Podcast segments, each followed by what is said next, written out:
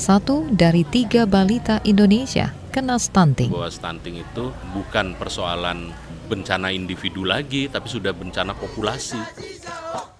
Akibat stunting, kita mengalami kerugian 300 triliun rupiah per tahun. Stunting itu menurunkan produk domestik bruto sebesar 3 persen. Kalau kita bisa menurunkan angka stunting, tentu kita bisa meningkatkan pertumbuhan ekonomi. Apa itu stunting? Dan bagaimana kita mengatasinya? Anda sedang mendengarkan Sains Sekitar Kita. Sains Sekitar Kita. Produksi KBR dan The Conversation Indonesia. Stunting itu bukan cuma perkara kekurangan gizi kronik, lantas tubuh-tubuh bayi yang jadi pendek semata. Kami menjumpai Ahmad Syafiq, Ketua Pusat Kajian Gizi dan Kesehatan Fakultas Kesehatan Masyarakat Universitas Indonesia. Ya sudah pasti eh, kapasitas intelektual menjadi terbatas, sehingga dalam jangka panjang dia bisa mengurangi kinerja eh, atau prestasi sekolah yang pada gilirannya nanti akan juga membatasi pilihan-pilihan dia dalam hal ekonomi dan produktivitas tentunya. Eh, ini akan menggerogoti kemampuan daya saing bangsa akan berkurang.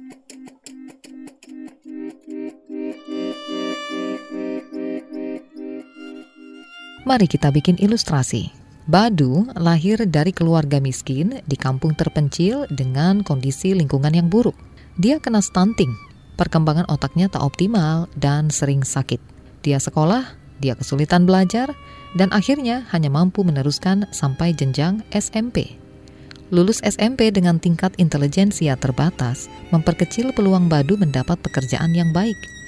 Dia kembali pada situasi miskin dan jika berkeluarga, bukan tidak mungkin dia akan melahirkan anak-anak dalam kondisi yang serupa dengannya.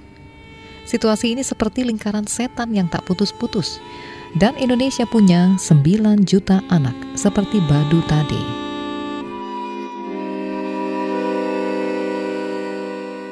Penyebab stunting terdengar sederhana. Kalau penyebab langsungnya ini pasti terkait dengan konsumsi makanan dan penyakit, khususnya infeksi. Tapi di sini semuanya akan kedengaran seperti benang kusut, dimulai dari masa kehamilan. Apakah janin mendapatkan cukup nutrisi atau tidak? Lalu lahir dan menjadi bayi. Menyusunya sudah benar belum? ASI eksklusif selama 6 bulan sudah terpenuhi atau belum? Untuk bisa ASI eksklusif maka harus IMD, inisiasi menyusu dini yang cukup dan tepat praktiknya itu sudah atau belum. Pola pemberian makan bayi dan anak itu dari segi kuantitasnya cukup tidak. Kualitasnya sudah memadai atau belum. Ibunya itu sendiri. Bagaimana perilaku ibu dalam memberikan asuhan gizi bagi anak-anaknya memiliki cukup pengetahuan untuk itu. Lalu kita bicara soal lingkungan dan perilaku hidup bersih. Apakah akses terhadap air mudah atau tidak? Lingkungannya penuh sampah atau tidak?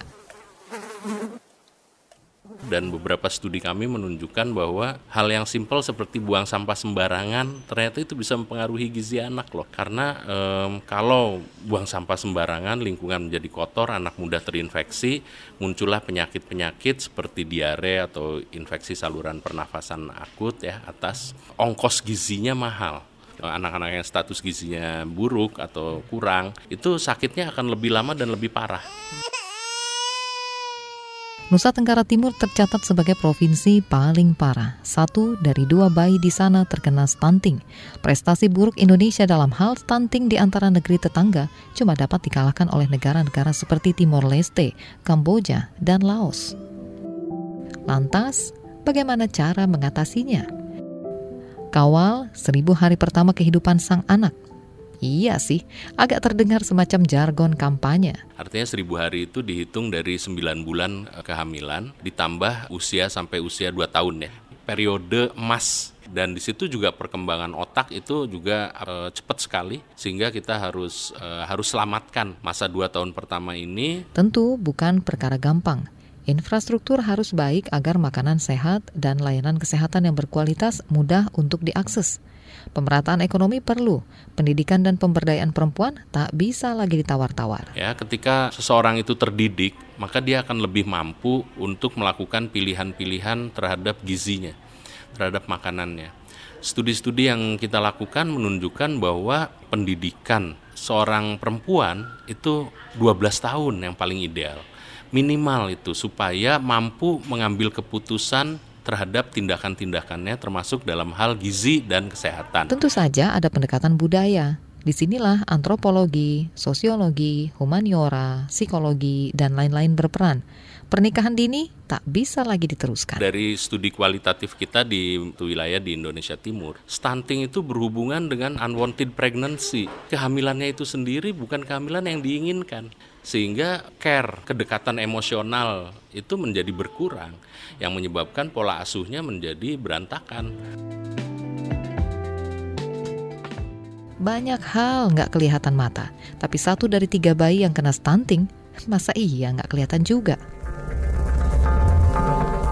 Sains Sekitar Kita. Sains Sekitar Kita. Produksi KBR dan The Conversation Indonesia.